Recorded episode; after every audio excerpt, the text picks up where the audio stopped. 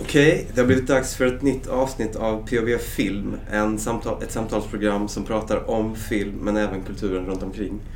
Med mig har jag Jon Asp, kritiker och redaktör för filmtidningen Point of View, dramatikern och regissören Lisa Langset samt Mattias Norborg, distributör på Triot Film och producent för Be Real Films i vars bio på Södermalm i Stockholm vi också befinner oss nu. Eh, idag ska vi prata om Sofia Coppola och hennes nya film On the Rocks. Ett relationsdrama och en far och dotterfilm med Rashida Jones och Bill Murray. Filmen hade nyss premiär på New York Film Festival och eh, före streamingpremiären i Apple TV den 23 oktober får den också en mindre biopremiär i Sverige över hela landet genom distributören Folkets Hus och Parkes försorg. Men innan vi kommer in på Coppola och On the Rocks tänkte jag att vi skulle beröra den diskussion och den kritik som riktats mot Filminstitutet under de senaste veckorna. Det var efter ett utspel där Cerner lovade ordentliga mångfaldighetskrav i kategorin för bästa utländska film efter att Oscarakademin just utlovat detsamma som Cerner ifrågasattes. Till exempel från Eva Hamilton, ordförande i Film och producentföreningen, men även från DNs filmredaktör Helena Lindblad som menade att Cerner och SFI istället för att bli ett citat enfrågeparti för jämställdhet borde ägna mer tid åt de verkliga ödesfrågorna och utmaningarna som svensk film står inför. Citat. Tidernas filmkris kräver också ett akut nytänkande byggt på ett gediget filmkunnande, skrev Lindblad och fortsatte. Efter snart tio år på sin post är det hög tid att Cerner breddar sin repertoar eller lämnar över vd-stolen till någon annan. Varpå Cerner svarade med något som väl får betraktas som ett icke-svar. Ehm, den svenska filmvärlden lider under filmchefernas instrumentella konstsinne, menade Hynek Pallas i Expressen. Och han välkomnade kritiken mot de sociala ingenjörerna på SFI. Redan i tidigare avsnitt har vi berört de här frågorna och jag undrar nu hur ni ser på den här diskussionen som har blossat, blossat upp de senaste dagarna. Ja, vi har ju, ehm, eller jag har ju är ju väldigt involverad i, i, um, i den här diskussionen och debatten. Och förra gången var det när Särn gick ut och kommenterade i januari, februari om, om de dåliga siffrorna på förra höstens svenska filmer. De flesta gick in i väggen. Då var det mainstreamfilmer men då tog hon så att säga blev hon kritisk mot, mot det som vi kan kalla för kvalitetsfilm eller bredden och mångfalden i, i, i svenskt eh, filmutbud. Eh, och då kom hon också med ett svar som var så att säga ett icke-svar eller goddag yxskaft. Och det är väl kanske det som jag i den här situationen där faktiskt eh, Helena och, och eh, Lindblad i Dagens Nyheter när hon uppmanar Filminstitutet till att diskutera visionen. Det vill säga, vad är det vi vill göra med det här Filminstitutet? Vad vill vi att Filminstitutet ska stödja och, och göra? Och istället för att svara på den frågan och ta den frågan till sig och, föra ett samtal eh, så svarar Serner överhuvudtaget inte utan bara pratar om någonting annat. Eh, eh, digitalisering av svenska klassiker eller hur man har fördelat ut pengar under eh, pandemin eh, till behövande eh, bolag och så. Och det måste vara, men vi saknar och hon saknar ett samtal om, om det som faktiskt Helena Lindblad skriver om och även Hynek i Expressen igår. Eh, nämligen om vad vill vi med, vad vill vi med svensk film? Och, och det är ett problem när, när en VD för det främsta, största organet duckar så till den milda grad. Och jag förstår inte varför de gör det heller. Alltså jag, jag, jag, liksom blir, jag blir inte klok på dem. Eh, och det står liksom inte i motsättning till hennes uh, missionärsaktivitet kring, kring eh, jämlikhet och, och, så. Det står vi alla för. Eh, jag, jag, tror, det tror jag är viktigt att komma ihåg att, att, att eh, det är inte så att om man vill diskutera liksom Eh, liksom SFIs verksamhet så är det ju inte så att man är emot jämställdhet utan man kan ju absolut ha till och med ett 50-50 mål och fortfarande diskutera vilken typ av film man ska göra. Så att egentligen är det liksom inte en motsättning utan de här två diskussionerna går ju att föra alldeles utmärkt liksom, parallellt. Men sen är det väl också, eh, så vill jag väl bara, bara säga det, att jag tror att den här rädslan Alltså, vi, vi är ändå en, en eh, speciell liksom, politisk tid och jag tror att att det finns en rädsla från många håll att liksom prata om de här eh, institutionerna som är så stora och som, som är liksom utsatta i vår tid när det blåser väldigt starka högervindar som liksom, eh, liksom kritiserar de här institutionerna från ett helt annat håll. Så jag tror att vi, jag, jag känner helt plötsligt liksom ett så här, eh, vi ska ta, vi ska liksom prata om SFI med...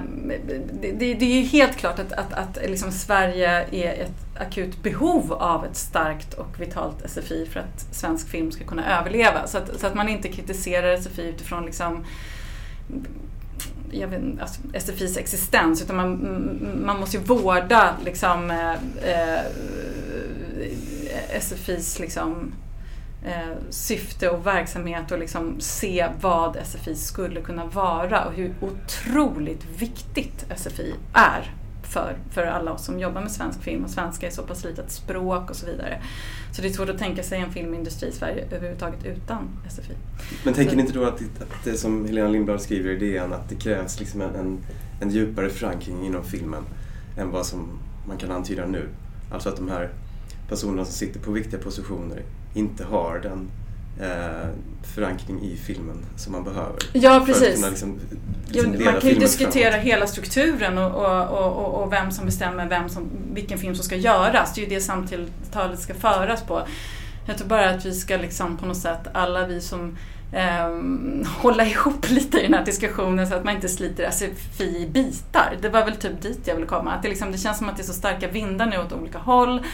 Och det finns en risk liksom att, jag tror att SFI är ju kritiserat från väldigt många olika håll och att vi bara liksom för den här viktiga diskussionen med, med en, liksom ett, en, en, en, liksom, en dröm om vad SFI skulle kunna vara så att man inte sliter SFI i tur. Det, det, bara, det är inte en kritik mot någon utan det är liksom bara en en känsla som jag har haft eh, som jag tror att man ska, liksom, en ingång. Ja. Men upplever inte att det finns en brist på att, att, man, att man för liksom den här filmpolitiken medialt, alltså via sociala medier och via medier istället för att man det är liksom hela tiden ett skyltfönster, vad som skrivs i media i samband med, med, stora festivaler och olika paneler och debatter man har. Såklart att det finns liksom en, helt, en stor rimlighet liksom att ha de här jämställdhetskraven. Men vad finns det utöver det? Jag upplever inte att det finns någon eh, filmpolitik som förs liksom, utöver de här den här ganska höga svansföringen som förekommer i media. Nej, men det, det är väl det som är problemet. Jag är, är inte riktigt... Uh, jag, menar, jag är helt medveten om, om, om eh, farorna från, från uh, när det gäller liksom högerpopulistiska håll mot, mot framförallt public service. Jag har inte riktigt uppfattat det som att, att, att det är en kritik som har kommit från Svenska Filminstitutet. Men men, eh, och jag tycker liksom att det finns en paradox här därför att vad vi pratar om det är ju liksom en vad ska Svenska Filminstitutet göra de facto? Alltså hur ska de förhålla sig? Både strukturellt, det vill säga hur man bygger upp de olika stödsystemen och vad det är de ska så att säga supportera. Jag menar när vi pratar om hur mycket ska de gå mot mainstream, hur mycket ska de gå mot arthouse och så vidare. Alltså vad ska de stå för?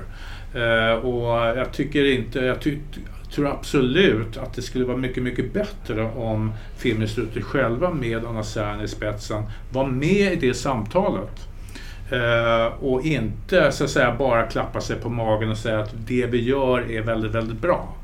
Uh, och, och, vi, har, vi har väl ingenting och, som vi behöver fundera på utan, utan allting fungerar som det ska. Det gör inte det och förra hösten var ett, ett, ett jätteexempel på detta. Och det blev en bizarr diskussion som kom där, där faktiskt de just så här högerkrafter på de som förde eller tog initiativet till, till märkliga samtal. Men det är det jag menar. Ja, men det, inte som en kritik av Filminstitutet utan mot liksom, vad, blev, vad, blev det för resultat. Eh, och det där är, och, det där, där, och då menar jag liksom att Filminstitutet måste liksom vara med i det samtalet annars, annars blir det eh, jättemärkligt. Va? Uh, och, och, men då måste man också ha det engagemanget där man så att säga också går utanför Jämlikhet, absolut. Jag menar, de, men, jag, jag menar men, men, vi måste också diskutera Ja, självklart. Och jag tycker snarare menar jag att diskussionen är viktig just för att det kan inte bara få vara de här högerkrafterna som har sin sin kritik av public service eller vad skattebetalare... Alltså det blir ju jättekonstigt om högerkrafterna, för jag, hade, träffade en kollega som berättade att liksom Sverigedemokraterna är jättestarka i olika liksom, frågor ute i landet, kulturpolitiska frågor, att de driver en väldigt stark kulturpolitisk agenda där liksom, eh, och, där, och jag menar bara liksom så här, jag tror att då, istället för att vara rädd att så här, hamna i samma bås som, man vill inte kritisera de här för att man hamnar i samma bås som Sverigedemokraterna, så måste ju snarare liksom, vi skapa en annan diskussion som vi då äger och leder utifrån en annan politisk agenda. Mm. Så att det liksom inte blir liksom en konservativ diskussion utan det här handlar ju liksom om en, eh, att ha liksom jättestarka visioner för framtiden, en, en, en, en snarare väldigt eh, starka framtidsvisioner. Det handlar inte om att vi ska gå bakåt. Det handlar om att vi ska gå ännu längre framåt mm. och göra någonting som, liksom SFI står ju och hela filmindustrin står ju inför utmaningar som liksom aldrig har setts förut. Så det handlar ju snarare om att ha en vision som liksom den diskussionen måste ju föras för att visionen ska kunna skapas som aldrig någonsin har funnits. Det är supervisionärt menar jag bara. Liksom, det är inte Absolut. kulturkonservativt, det är inte det Nej. vi håller på med. Jag tycker bara att det är liksom viktigt att klargöra för det är på något sätt att man blir instoppat i ett så här konstigt så här, ja du är kulturkonservativ. Man bara, men det är inte det vi pratar om. Vi pratar ju om, vi, vi pratar om utveckling och, och förnyelse och liksom samtal som är liksom radikala och mm. visionära. Jo, så är det ju. Men, men, uh. men också på samma sätt som att en person inte kan bära liksom ansvaret för allt det här som har skett nu. Så är det ju inte. Det finns ju inte någon som enbart kritiserar Anna Särn i det här. Men på samma sätt som de bedriver en symbolpolitik så blir hon en stark symbol för den här politiken som bedrivs. Men, men jag menar, för att Hynek Pallas nämnde i sin text eh, ställde sig frågan liksom, hur ska den här tystnadskulturen kunna brytas? Liksom då? Och menar, eh, liksom efterfrågar mer, mer, mer, ansvar från både kreatörer och kritiker och sådär. Och ni som mm. kreatörer då, för jag upplever liksom att det är idag och har varit i många, många år eh, en känsla av att folk inte alltid liksom ansöker och skriver på de projekt som de helst skulle vilja utan att de anpassar sig utifrån rådande föreställningar om vad man kan få stöd för. Och där tycker Men så är det. Så är det. Jag kan säga det, både som producent och distributör. Så är det. Och jag vet också, jag kan rabbla upp tio projekt som egentligen borde ha fått stöd utifrån en rent kvalitetsmässig aspekt, men som inte har fått därför de konstellationerna var felaktiga. Och, och, det, där är, det där är ett bekymmer. Va? Och det där måste vi prata om och jag menar liksom också att Anna Serner, inte, det är inte henne vi säger, du Anna, det kom ta diskussionen, det är, det är hennes så att säga, grupp det vill säga institutionen. Nu råkar hon faktiskt vara verkställande direktör. Så att, ja, men hon har ju huvudansvaret. Va? Och istället för att ducka på, på, på den här uppmaningen från, från eh, Helena Lindblad så skulle hon ju ta den frågan till sig och säga ja, vi måste sätta oss ner och prata om det här. Och eh, vi är, villiga att prata om det. Vi har lite olika liksom, referenser och, och uppgifter i, i Filmsverige. Och det finns massor med andra också som jag tror, om hon skulle säga okej, okay, vi tar samtalet, vi tar diskussionen. På samma sätt som man gjorde en gång i tiden med, med, kring Bo Widerberg eller Roy Andersson eller Jörn Donner som tog de här visionsdiskussionerna. Eh, så kan vi samlas kring det och det kan hända någonting väldigt intressant. Det är ju det vi är ute efter. Det var det som jag tror att Helena Lindblad var ute efter. Ja, och där vill jag då också då, eftersom jag ändå är kvinnlig regissör i den här tiden och utifrån, eh, eh, mitt i den här diskussionen som sker, så vill jag också då säga att jag tror ibland att det finns en förenkling av den här diskussionen som hamnar i att så här, precis man räknar upp de här gamla strukturerna som har varit liksom jag vill hävda att den här nya versionen, det är klart att vi ska med oss en samtidsanalys där vi diskuterar vem som får göra och där det finns en, liksom också en, ett kvinnoperspektiv i det och liksom en feministisk blick. Det finns ingenting som motsäger det menar jag. Det handlar inte om att vi ska gå tillbaka utan det handlar ju om hur ska vi skapa eh, den, liksom ett filminstitut som liksom fungerar utifrån vad vi vill att det ska åstadkomma. Liksom. Alltså det är ju det som är så att, så att, det, så att för jag liksom tycker det är trist när det blir liksom att det är så här, ja det var bättre förr versus liksom de, den här liksom, eh, instrumentella synen på konsten. Utan det måste ju finnas ett tredje som är liksom den nya synen och vad är det och vad behöver vi idag? Vi lever ju i ett samhälle som behöver liksom speglas ett stort behov av spegling. Vad, vad är det som sker liksom, i vår tid? Och där har ju filmen en uppgift som är enorm. Liksom. Mm. Men du nämnde, hur ska vi förena de här två då? För du nämnde den här, att man måste göra den här samtidsanalysen. Så här. Och vilka är det som får göra film, att vi måste göra det. Samtidigt som du Mattias nämner eh, filmer som på grund av felaktiga konstellationer eh, inte fått stöd. Alltså vad, vad består de här felaktiga konstellationerna? Handlar det om genus då eller? Ja, väldigt mycket genusmångfald. Alltså mångfald i konstellationen, inte i teman. Utan, eh, eh, och jag vet ju det, men så är det ju med, med alla nu. Alltså vi, vi tittar ju på konstellationer, vi tittar på liksom att anpassa oss. Och det, jag tycker inte om det. Alltså jag blir nästan eh, jag blir nästan mörkrädd. Va? Och, och jag, jag, har liksom aldrig behövt det heller för att de filmer jag har jobbat med har varit väldigt mycket 50-50 och, och, utan att jag ens har tänkt på det. Därför att jag, jag letar efter de originella, de konstnärligt eh, spännande, de nya greppen, allt det här. Och det, det har varit, jag tror till och med att det är fler. Ehm, då filmer som, som, som har gjorts av kvinnor. Ehm, och jag har inte ens reflekterat över det förrän kanske för tre, fyra, fem år sedan när man började föra det här samtalet. Sen förstår jag ju också självklart, jag menar, jag är ju inte dummare än så, att, att vi, även om vi är väldigt långt framme i Sverige, jämfört med många andra länder, så behövs det jobbas på, det behövs diskuteras. Va? Men det får inte bli till priset av, jag blir mörkrädd när jag får höra sånt där att man ska, man ska, eh, man ska ha vissa kriterier för att eh, främja den här liksom, eh, mångfalden när det gäller Guldbagge för bästa film. Då är det plötsligt inte bästa film längre, utan vi pratar om utan då är det någonting annat. Va? Och det där, mm, sånt där kan jag bli liksom, eh, sånt tycker jag inte om. Framförallt är det väl speciellt när det tar över hela diskussionen om film. Ja. Att det blir bara det man pratar Precis. om. För att jag menar, man måste ju kunna det. prata om så många olika, det finns ju så otroligt många sätt att göra mm. film. Och, mm. och dessutom saknar vi ju berättelser som mm. kommer utanför etablissemanget i mm. Sverige. Vi har ett akut mm. behov av det. Och hur kommer det sig att vi har en massa olika regler för att vi säger att vi ska ha det, men vi har ju inte det. Det kommer ju inte, så någonting gör vi ju också fel i det system vi har. När man ser, men det finns ju till exempel, jag tycker det är intressant att Danmark har fler starka kvinnliga regissörer som är liksom ganska dominanta och liksom eh, eh, karaktärspersonligheter verkligen än vad vi nästan har i Sverige. Trots att vi har liksom den här jättestarka liksom, kvoteringen och så vidare. Så det är ju någonting i systemet som liksom inte och varför har vi inte fler då som kommer någon annanstans ifrån. Det handlar inte bara om kvinnor, det handlar ju om, om ja, människor med annan ja, Det handlar väl om innehåll också i hög grad. Ja, vi, exakt, pratar, vi pratar mycket om upphovspersoner och sånt mm. där. När jag intervjuade Anna Kroneman här om månaden, apropå eh, Sveriges Televisions nya manussatsning, eh, så pratade hon kort liksom, om resultatet av det. Väldigt stort intresse, väldigt många ansökningar. Men de var alldeles för lite överraskade. Alldeles för många projekt som, som dukade under i coming of age och social misär. Eh, och det här är liksom då Anna Kronemans ord i hög grad. Och man kan ju tycka liksom att uppväxtdramer och social misär någonstans ligger liksom i filmens DNA och inte minst den svenska. Men har vi inte ett problem här någonstans också då liksom när, när det är så exceptionellt många människor som, som rör sig i de här genrerna bara? Jo, nej, men jag tror till exempel, jag menar, det, och det har man ju konstaterat att högbudgetfilmer är totaldominerat av, av, av män. Va?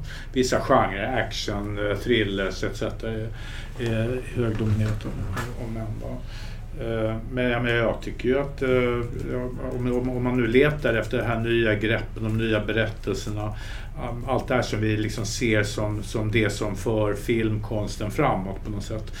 Ja, men din, din film Hotell var liksom en, en, en sån film som jag såg, wow. Eh, jag, jag, tycker Pichles filmer har varit fantastiska. Anna Odell, Lisa Askan. Alltså vi har ju en uppsjö tycker jag kvinnliga stora storartade liksom, regissörer va? och, och eh, upphovskvinnor. Eh, eh, men däremot så finns det ju inom vissa, framförallt inom mainstream, där det är brist och saknad. Va? Och, och givetvis också om man tittar på hela produktionen att det, det finns vissa funktioner inom filmindustrin där, där det knappt finns några kvinnor. Och det är klart att det måste diskuteras väldigt mycket och det ska vara en ständigt, men jag är inne lite på det som Lisa säger, att, att, att det måste göras man måste föra den andra diskussionen parallellt. Va? Det kan inte bli en, bara en fråga utan vi måste också prata om film och ämnen. Vad är, det, vad är det väsentliga att vi berättar om? Vad är det vi inte känner att, att vad är det vi inte känner att vi berättar om i, i, film, i den svenska filmen idag? Uh, finns det någon bristvara? Är någon, är någon, är, finns, det något, liksom, finns något tomt? Mm. Um, och sen är det väl också liksom rent eh, så, så, distributionsfrågan, biograffrågan. Hur ska, alltså det finns jättestora frågor som, och där, där som vi kanske ska prata mer om i ett annat program. Men jag menar, Mm. det är ju också strukturellt. Hur ska svensk film överleva Absolut. rent? Och där man måste skapa den mest gynnsamma liksom, strukturen för, och det handlar om bygge. Liksom. Hur gör vi rent? Jo, man, gör, man gör ju film för att man ska liksom visa någon Ja. och för en kommunikation. Mm. Och eh, vi har ju låtit då också biograf, bara kort, biografbranschen eh, bli väldigt nästan monopoliserad. Om den faller, då faller hela det så att säga, visningsfönstret. Och det är det då kan hela, eh, i och med att det är ett ekosystem, så kan ju hela branschen falla. Därför tyckte jag det var väldigt kul igår när man, eh, när man då, eller under, det var en lättnad när man eh, förklarade att, att man ska öka på antalet människor som får sitta i en biosalong från 50 till 500. För det, det kan faktiskt vara räddningen. Det kanske låter dramatiskt men jag tror faktiskt att det var så dramatiskt. Mm. Eh, ja. Och det sker också positiva saker runt om i världen. Jag läste att eh, Thomas Winterbergs nya film hade öppnat första helgen i Danmark med rekordsiffror, över 100 000. Så det Mm. finns, verkar ändå finnas hopp för att Mm. den breda kvalitetsfilmen eh, eh, har en väg tillbaka till biograferna. Mm. Men innan vi flyter ut för mycket, det finns ju mycket att diskutera kring det här och jag tänker att vi får återkomma till de här frågorna och kanske också kan bjuda in de personerna som vi har berört nu så att de får komma till tals och försvara sig. Eh, så kanske det är dags nu att eh, gå in på kvällens primära tema, alltså Sofia Coppola som alltså är aktuell med sin nya film On the Rocks. Eh, hennes sjunde långfilm tror jag att det är, sen debuten med The Virgin Suicides för mer än 20 år sedan. Ehm, Den var bra. vad sa du? Den var bra. Virgin det var bra. Suicide. Okej, Mattias, du kanske vill börja här? Va? Hur, hur, Nej, jag, jag, Ty, tycker du inte att On the Rocks lever upp till förväntningarna? nej, jag, jag, jag, jag har tappat intresset lite för Sofia Coppola. Och då, det, det, jag tyckte Lost in translation var... Nu kommer jag inte exakt ihåg vilket år den kom. 2003. 03, 04. Mm. Ja. Jag tyckte det var en av eh, ja, det årets bästa filmer. Jag, var, eh, jag tyckte det var helt underbar.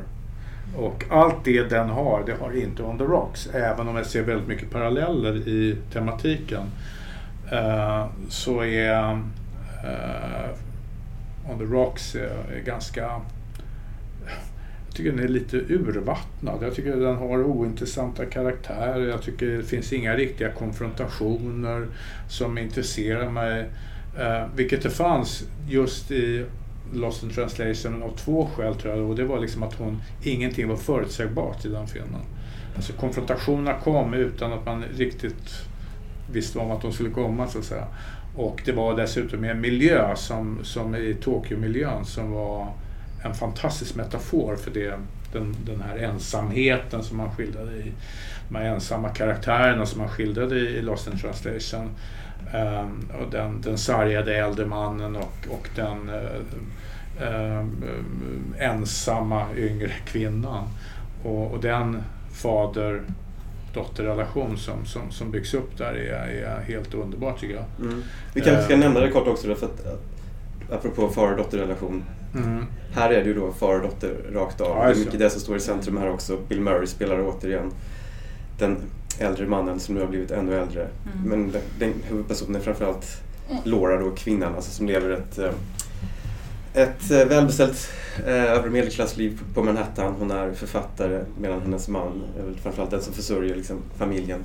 Han är framgångsrik inom eh, underhållningsindustrin på något sätt och är väldigt mycket frånvarande. Medan eh, mamman tar hand om barnen och försöker komma igång efter sin skrivkramp samtidigt som då hennes pappa anmäler sig och visar behov av att, eh, kanske inte försonas, men ändå öka frekvensen av umgänge. Eh, och det ironiska i det här då är att samtidigt så börjar Laura, huvudpersonen, misstänka att, eh, att mannen bedrar henne, vilket är Framförallt pappan. Precis, vilket framförallt Mm. pappan då, som själv har varit en playboy och lämnat mamman för länge sedan. Eh, ja, han känner helt enkelt igen de här mönstren och Mm. sätter igång en mindre utredning eh, kring det här.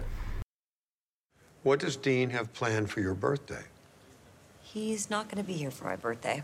What kind of guy forgets his wife's birthday? He didn't forget. He has a work trip, but we're going to celebrate when he gets back. That's not the same. I traveled. I never missed a birthday. Right, but you had some other shortcomings. Like what?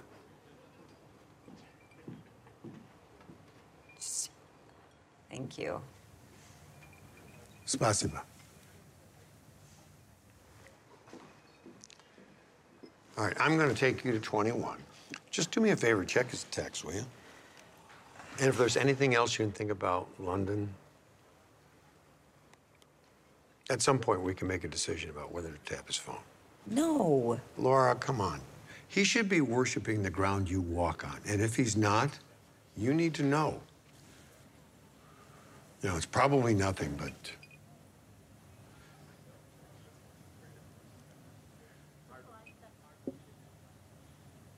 check his phone. Lisa, vad, vad tyckte du? Vad tyckte du om den? Alltså jag har ju ett väldigt eh, liksom, passionerat och liksom stormig relation till Sofia Coppola som går långt tillbaka. Började med Virgin Suicide.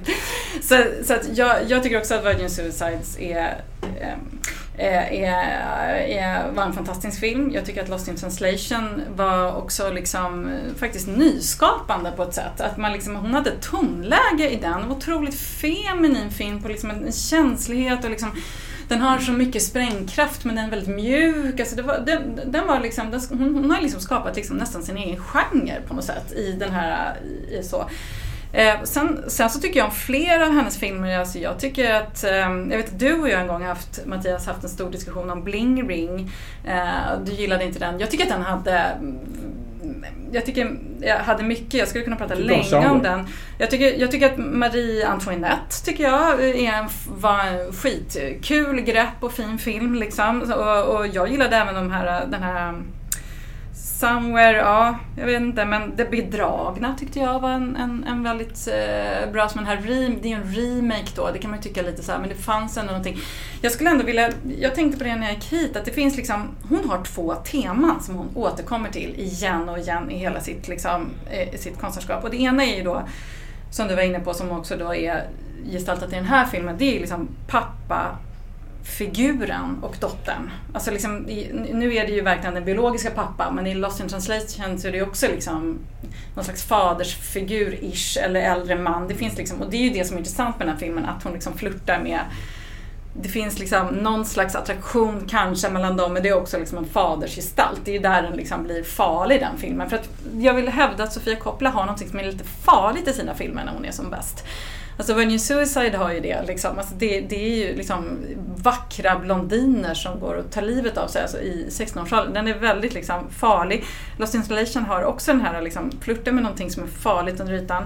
Marie Antoinette har det. Och det, det, och det är hennes liksom andra tema då som inte kanske...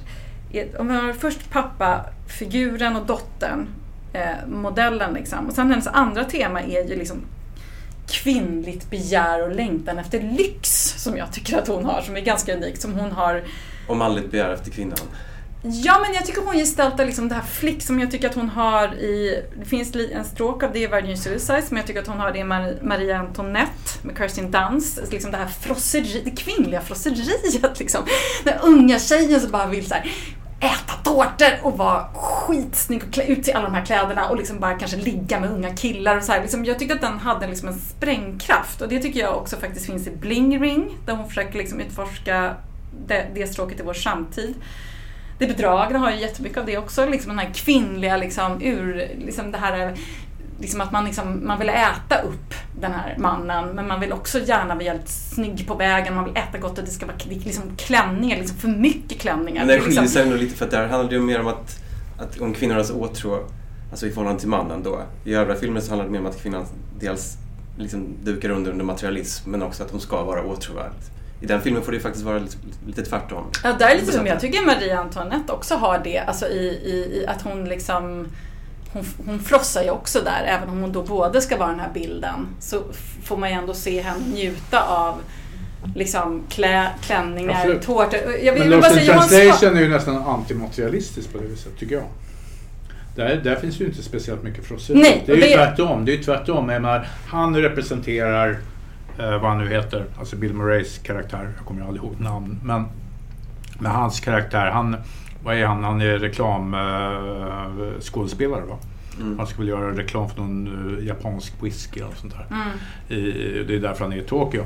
Menar, allt det han står för är ju, är ju mondänt, tråkigt och Park Hyatt är en tråkigt, är en skittråkig. Och de, när de har som roligast, vilket är en helt fantastisk sekvens, Mm. det är när de går ut och partar Mm. en, en natt.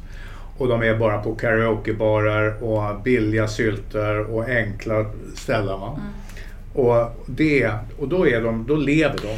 Precis, och där, där är Så det det, är ju... ju, det är ju snarare tvärtom där i, förhållande till frosseriet. Var det jag tänkte. Exakt, ja, men, det, men det, du har rätt i att Mm. hon, hon diskuterar väldigt mycket, eller har gjort det i alla sina filmer, eh, nästan då fram till den här på något sätt. Alltså någon slags så här, alltså, mm, ekonomins betydelse. Alltså det finns liksom en yt, yta, som du säger där. De, de bor på ett fint hotell, Bill Murray är väldigt framgångsrik, han har liksom pengar och allting men hans liv är tomt. Liksom. Det är skit. Marie Toinette har också allting, men vad är meningen med livet och liksom det här överdådiga liksom. Och det Bling Ring handlar ju jättemycket om det också, så det här liksom att vilja ha, ha, ha, ha, men vad är det egentligen vi vill ha liksom? Det är, det är liksom någon slags materialistisk f- vansinne som liksom finns väldigt mycket i vår tid, som hon ändå försökte ge sig på att gestalta där. Eh, men vad är det vi vill ha inuti? Liksom, det, det är liksom tomt. Det som jag är besviken på den här filmen, även om jag tycker att, jag ty- tycker att Sof- Sofia Coppola liksom förtjänar en speciell plats i filmhimlen så är jag ändå lite besviken på den här filmen för jag tycker inte att hon... Här är de liksom rika så här slentrianmässigt. De är så jävla rika. Eh, och det är liksom, och den här jävla pappan är liksom sjukt rik. Och det liksom problematiseras aldrig riktigt utan det är liksom på något sätt någon slags liksom självgod rik klass som liksom aldrig kommenteras och där blir jag lite besviken för jag tycker att hon i sina tidigare filmer har liksom varit medveten om den överklass hon skildrar. Hon har liksom på något sätt problematiserat den på olika sätt och gestaltat den väldigt Hon medvetet. har tagit konsekvenserna. Hon har tagit konsekvenserna av den och satt den. Ja, precis. Och det finns ju också i Somewhere på något sätt den här ytligheten. Du kan Mm. köpa allting men det, det är liksom ändå liksom relation, relation, den, den, den relation du inte kan köpa är relationen liksom kanske mellan då till ett barn Mm. eller till en pappa eller till en, liksom, det, det, det finns vissa så- värden och det har ju hon liksom på något sätt gjort, pratat om i sina filmer. Här är det bara genom det är, så här, det är bara yta lite tycker jag. Så här. Jag är lite Ja, men det är väl, det är väl en samtidigt, alltså, någonstans, jag håller ju med er om, om, det, om det du säger, den här röda tråden som finns. Liksom. Eh, och det är ju en imponerande CV som Sofia Coppola har. Ja. Alltså, ibland tänker man så här, liksom, ah, men det är bara dottern till Francis Ford och sådär, att hon liksom har åkt räkmacka lite grann på det. Men, men så är det inte alls. Man Nej, hon man har något eget. Hon har sju filmer och liksom det, hon har en svag film som är The Bling Ring. Faktum är när hon har gjort sina mästerverk, det är ju då pappan har misslyckats. Ja men hur som helst. Alltså under Alltså, de perioder. Ja. Nej, men, jag menar, Francis Ford har inte gjort bra filmer på evighet. nej, Nej men han, vilka am- jävla av- filmer han har gjort när han gjorde dem i och för sig. Så att det, Ja, ja, det är ju absolut, liksom... absolut. Mm. Men av amerikanska regissörer, Mm. mer samtida, liksom, vilka är det som kan mäta Ja, sig ja, med hennes en CV? betydelsefull. Det är Wes Anderson och några till. Framförallt Mm. eh, som kvinnlig regissör. Ja, och autör skulle jag vilja lägga till. Alltså liksom att hon har men- verkligen en egen röst och en egen... Lost Mm. in translation tycker jag är ett mästerverk. Faktiskt. Jag tycker den är Mm. fantastisk. Och Virgin Suicides tycker jag är en av de bästa debutantfilmer på... Ja, det, är, det är väl den här Baby Teeth eller Sweetie av Campion eller några av de här som kan jämföras. Mm.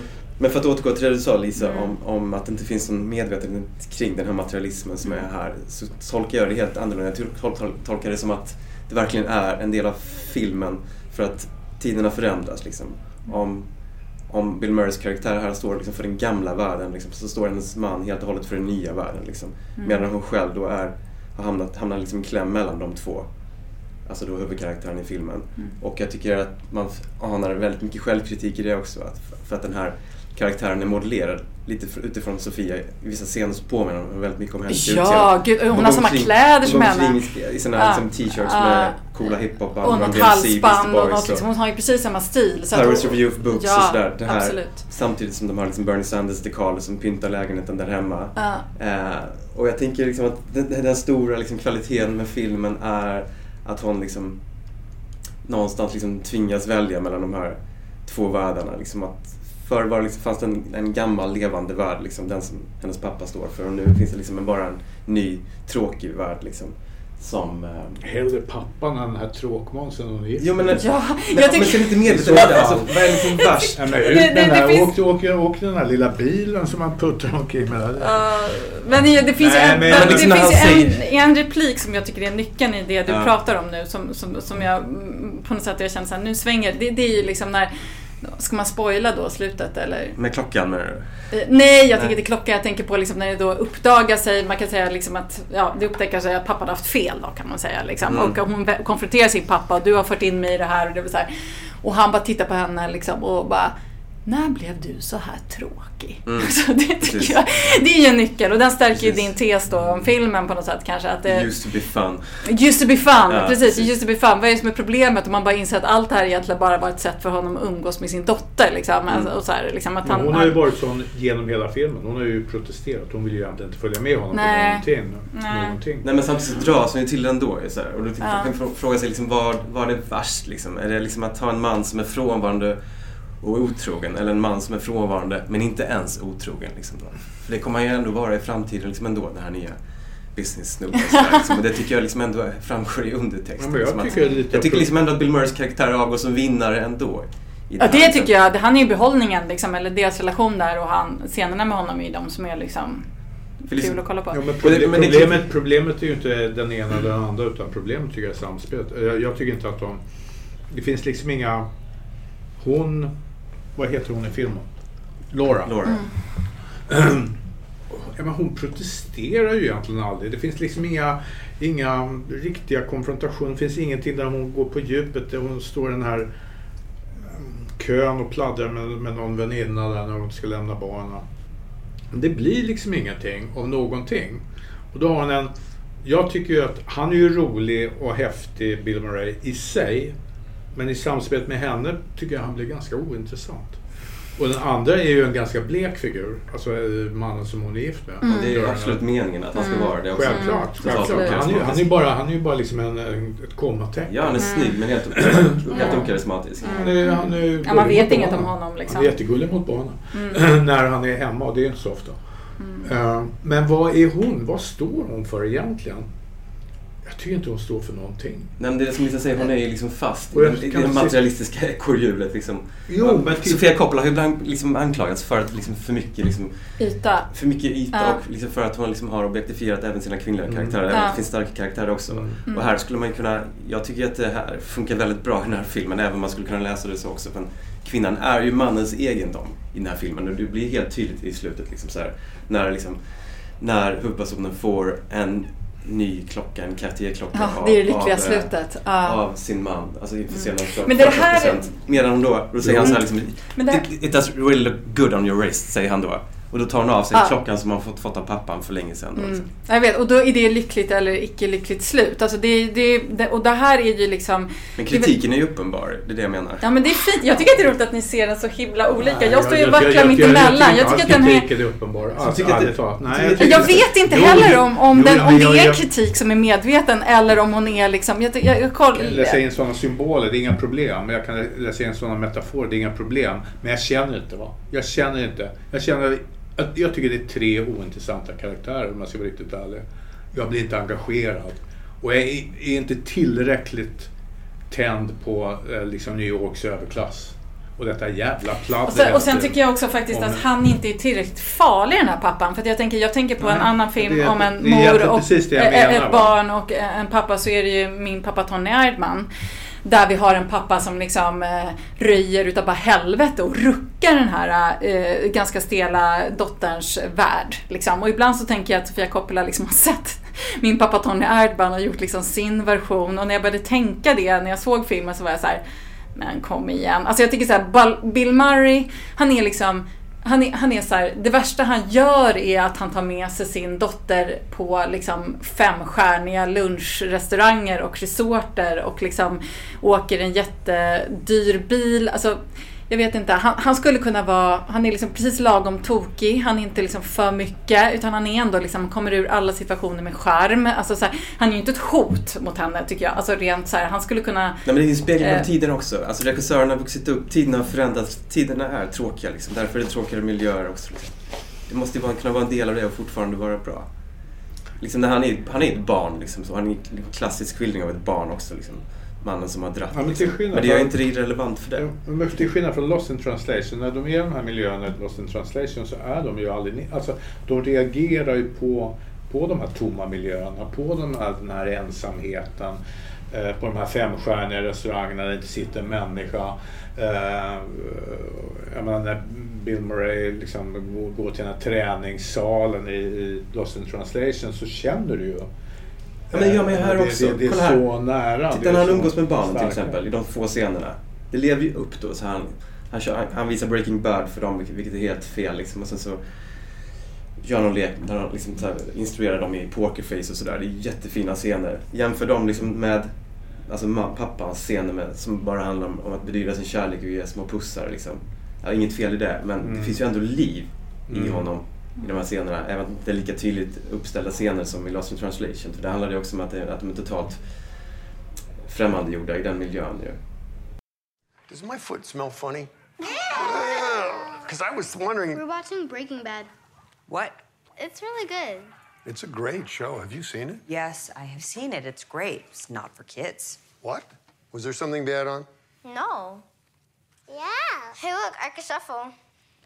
Oh, wow, that's great. We learned that all young girls should know how to shuffle and how to Bluff. bluff. Right. Mm-hmm. and how do you bluff? Poker face. Poker face. Poker face. Poker face. Nice, nice.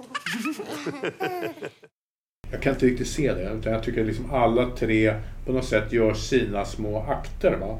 Och mellan där finns den här Laura. Som på något sätt bara vinglar lite fram och tillbaks. Men inte så att hon riskerar någonting egentligen. Va? Det, det, jag menar, hennes liv är, står inte på spel. Hon kan inte komma igång och skriva. Det är liksom hennes stora trauma. Jag vet, Eh, men, men, men, inte det här liksom, jag tänkte på det så här, det, Sofia Coppola har en tendens som ingen annan regissör att liksom så här, reta mig samtidigt som jag älskar henne så, re, så irriterar jag mig på henne, den här estetiken. Jag är fullkomligt, eh, jag är så bottenlöst avundsjuk på henne också med den här liksom, i, i det verkliga livet med hennes den här fantastiska filmpappan hon har gjort som har gjort det. Liksom de mest underbara, Apocalypse Now, hon var på inspelningen som barn. Liksom, hon är liksom, hennes, det är inte bara liksom hennes pappa utan det är liksom hela hennes jäkla släkt- är ju liksom filmproducenter i, Hollywood. Alltså det var ju, det är farbröder och, och, och liksom, Kompositörer. Ja, de är kompositörer, de är filmproducenter, de har gjort fantastiska saker och hon liksom växer upp på de här hotellen och hon får den här möjligheten att liksom utveckla sitt konstnärskap och hon har liksom allt. Och hon är begåvad och hon är ihop med en skitsnygg rockstjärna som gör jättebra musik. Hon pendlar mellan New York och Paris.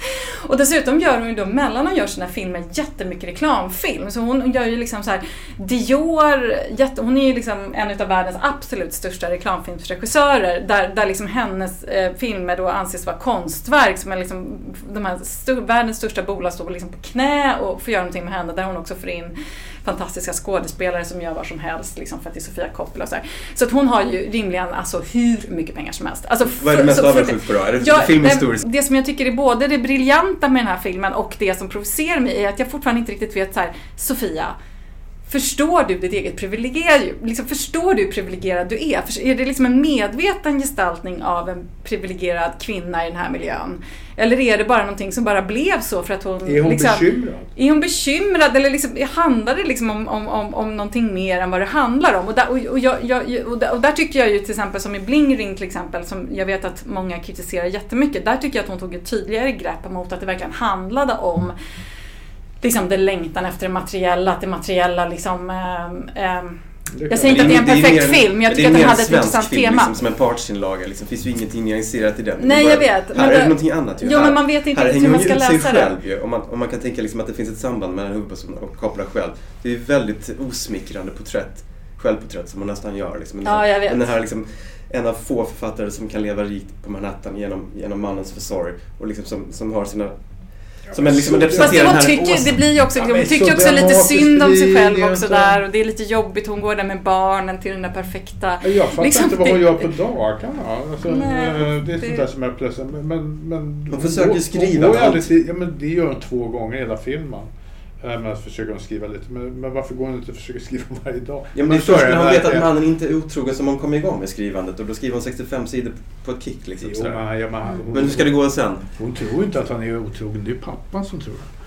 Hon bara Nej, hon på. börjar ju lite, hon börjar, hon, Ja, men- frå, ja, mot sår ett litet frö. slutet, ja. Nej men jag, jag vet, jag, jag kan, jag, jag, Ja, jag, det är det finns ingen regissör som är som ambivalent till som Sofia Coppola också i den här filmen. Alltså jag, hon, hon väcker liksom, hon väcker saker tycker jag. Också är med den här filmen. Men jag- tycker hon skulle kunna gjort det mer. Jag tycker Bill Murrays, alltså jag, om jag tänker liksom, jag vet ju, jag har ju liksom jag tycker ju jättemycket om eh, Francis Ford Coppolas filmer också. Så att jag har ju liksom eh, googlat ganska mycket. Han har ju väldigt intressant resa med sin jag har ju varit lite fixerad vid både far och dotter där. Liksom, och han har ju en intressant, han, är liksom, han gjorde ju jättebra film tills han då blev liksom diagnostiserad till bipolär och blev medicinerad och sen slutade han göra bra film. Så att jag menar, han, om man ser på film, om man tänker att hon har försökt gestalta Frans Ford Coppola i den här filmen, om vi tänker att liksom, om vi utgår från tesen att det är Sofia Coppola själv då som har gjort en film om sig själv så kan jag bara efter, man behöver bara se bakom filmen liksom till Apocalypse Now så kan man ju känna så här, men då skulle ju den här pappan kunna vara ganska mycket galnare än att dyka upp i, liksom, i en röd cab. Alltså han, alltså, det, det finns ju mer tryckmaterial. Hon skulle kunna gjort den farligare tycker jag om det handlar om liksom, att försöka gestalta Frans, pappa Frans Ford. Liksom. Då skulle hon kunna tagit i lite. inte pappa Frans Ford under tiden han gjorde Apocalypse Now. För då hade han ganska, också ganska taskig ekonomi och så. Men, Jo, men- eh, det kommer senare så. Mm. Men det behöver inte utgå från att han gör heller. Liksom. Det är inte den bilden man får riktigt av Jag honom tycker när man Bill. Bill Murray gör en, en, en skön krumelur som är lite ganska separerad från, från... Jag tycker det är tre karaktärer. Och jag, jag förstår ju givetvis att den här, heter han, Dean, eh, mannen till, till eh, Laura är, ska vara så ointressant som han är va, på något sätt. Va? Men det blir liksom, de interagerar aldrig. De reagerar inte på varandra. De liksom kör tre race som är ganska måttliga hela tiden.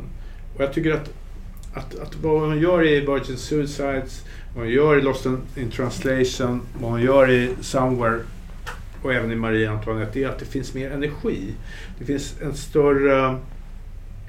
Det finns en, en, en starkare reaktioner i, i olika situationer. Eh, och att, att karaktärerna interagerar på ett helt annat sätt. Här blir det... Men det är väl men han var väl lite kul. Ja, Jag håller med dig men samtidigt är det väl Det frågan då, är det en medveten, det är väl det man aldrig vet med Absolut. Sofia Coppola. Är det ett medvetet val för att gestalta liksom, den tråkiga medelåldern och den, den liksom, när man har slutat tänka och allting, det som du är Ja, inne ser man på. inte det så, då är det ju väldigt svårt att ha uppskattning av filmen. Ja För precis, det så är det, det, Hård, är alltså det man, och det vet vi inte. Man kan nästan se henne som en liten symbol för liksom den här åsiktskonstens vänster liksom, som omger sig med Mm. Godhetsslogans liksom, men i själva verket bara bryr sig om materiell standard och personlig framgång. Och där tycker jag liksom att bristen på agens i hennes karaktär ändå blir till en tillgång. Liksom, för att hon blir liksom en del av det här ekorrhjulet. Liksom, oavsett om hon är kvinna eller man. Så, eh, så är hon hög på det. Liksom. Men hon är intressant karaktär. Ja, hon är intressant för att det Jag finns, de, fin, de Jag finns runt omkring Jag oss. vet knappt ens vad hon håller på, med. Ja. Eh, mm. Så ni tycker att det här är en av Jag- de jag- sämre Coppola-filmerna då? Ja, men jag, men jag blir ju så här, när jag tycker om en regissör så blir jag ju så här sjukt lojal. Så då blir jag så här, nej allt är jättebra, hon har gjort allt bra. För att jag, det, blir som en god vän. Jag, jag känner liksom, och jag känner ju lite med så med kära Sofia. Så att jag, jag tänker inte kasta sten på henne här. Men jag skulle säga hon skulle kunna skruvat upp det lite. Jag håller med om det. Jag, ty, jag tycker att den här pappan skulle kunna varit lite farligare och liksom det skulle kunna gjort det lite svårare för sig tycker jag. I, tagit i lite kan jag tycka. I det här temat då, om det är det hon försöker gestalta så, så kom... Så I wanted lite- that glow again. Vad sa du? I wanted that glow again. Ja, är, det inte ja, det? men- är det inte starkt nog?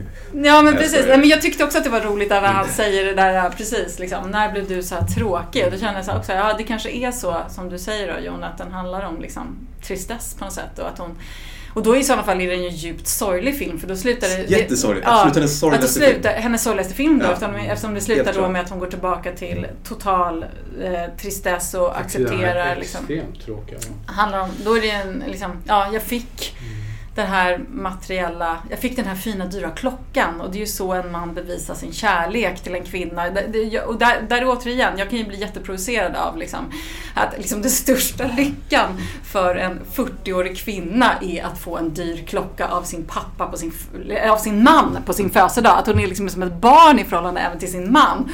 Och hur han kan åka bort på hennes födelsedag och det är liksom en jättestor, alltså, Kom igen, är du 12 eller? Liksom, tycker jag lite med den här karaktären. Jag kan bli så Ja, här, det? vakna liksom. Ja men att hon Ja. lever liksom i, att det är så här, det, och liksom att det är nästan, det blir nästan som liksom någon slags Sex in the City kvinnofigur liksom Mm. som är så här, ja jag är så olycklig för att min man åker bort på min födelsedag. Alltså, liksom, hon har hon är inte olycklig. Är Nej men, var, nej, men liksom olycklig. så här, och det, liksom, De det lyckligaste som kan hända är eh, att du får pratar liksom med varandra på datorn så här, med barnen och på hennes egen födelsedag när, hon- när han är ute. Och, Ja. Ja, Jag tycker det låter som att ni, liksom, ni kräver för intressanta karaktärer liksom, för att kunna Ja, uppskatta men, filmen. men, ska, ska vi hitta den här typen av tristess hellre då än en, en bra, tung, fin Antonioni-film här.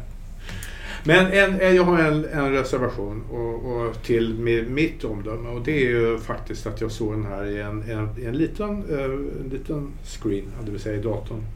För att jag tyckte det var jävligt, jag inbillar mig, jag kände att det här är sky, jävligt sköna miljöer. Alltså att hon, hon skildrar, alltså jag, jag tycker att hon har också en, en, en stark eh, visuell förmåga. Absolut. Hon alltså en Absolut. mästerlig regissör. Alltså, Ja, hon är så skicklig. Ja, hon är Ja, och- jätteduktig. Och jag, jag kommer ihåg att jag var Mm. blown away av hennes Tokyo-skildring. Mm. Ja, och jag älskar den stan också. Och jag. Satan vad hon hade hittat där alltså. Ja men hon är jätte... Hon, alltså, och hon det är, har jag en känsla av att det finns även här. Eh, Men jag kunde liksom inte riktigt tillgodogöra mig det genom min lilla dator. Eh, Så att eh, det, det, det är Det är kanske en bidragande faktor. Men det håller jag också- ju det- suttit det- på stor duk. Precis, det har, det har vi inte så berört. Men det, det, och det, det, det, Det tycker jag också att vara. man ser ju, alltså Mm. hon har ju en bildkomposition Mm. och ett sätt att liksom att, att, att skapa sina bilder som är så unikt för henne men ändå subtilt. Alltså det är Mm. liksom så här på något sätt, man kan nästan se den här filmen och så skulle man kunna säga på liksom bara bilderna att det är hon som har Mm. gjort den. Mm. Och det tycker jag är liksom, där, det är ju verklig respekt. Jag tycker verkligen Ja. hon har Ja, det, att det är så liksom- lågmält fast ändå så distinkt kopplat. Ja, så Bara personligt. de här bilderna, bara de här Ja. bilderna från Ja. Mexiko som skulle kunna Ja, vara ganska helt- kitschiga. Mm. Som Och ändå då- funkar. Nej, för de är ju också resultat av sin miljö, va? Jag menar, de här karaktärerna. Jag Mm. menar, ska vi liksom gå på Jons linje här så, så, så är det ju... Och det, det kan väga upp. Jag, menar, jag gjorde referens liksom till, till Antonioni. Jag menar, Antonioni utan hans miljö är helt ointressant givetvis. Oavsett vad Vitti och de här andra, och Marcel och alla gör. Va?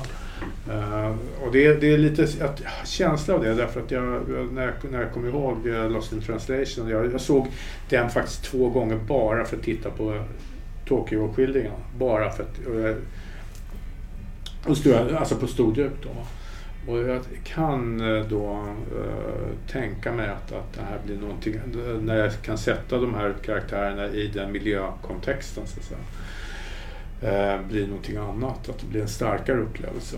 Eh, samtidigt ty, tycker jag också, för att Sofie, Sofia Coppola är, är en stor regissör, det är inget att snacka om. Hon är en av de största kvinnliga regissörerna i världen. Eh, med- Inte bara kvinnliga. Nej, precis. precis. Största, en av de största ja, regissörerna i ja, världen. Tack. ja. På samma sätt som jag pratar om Jane Campion och de andra. Mm. Eh, hon är också, absolut, sorry. Eller. Eh, va?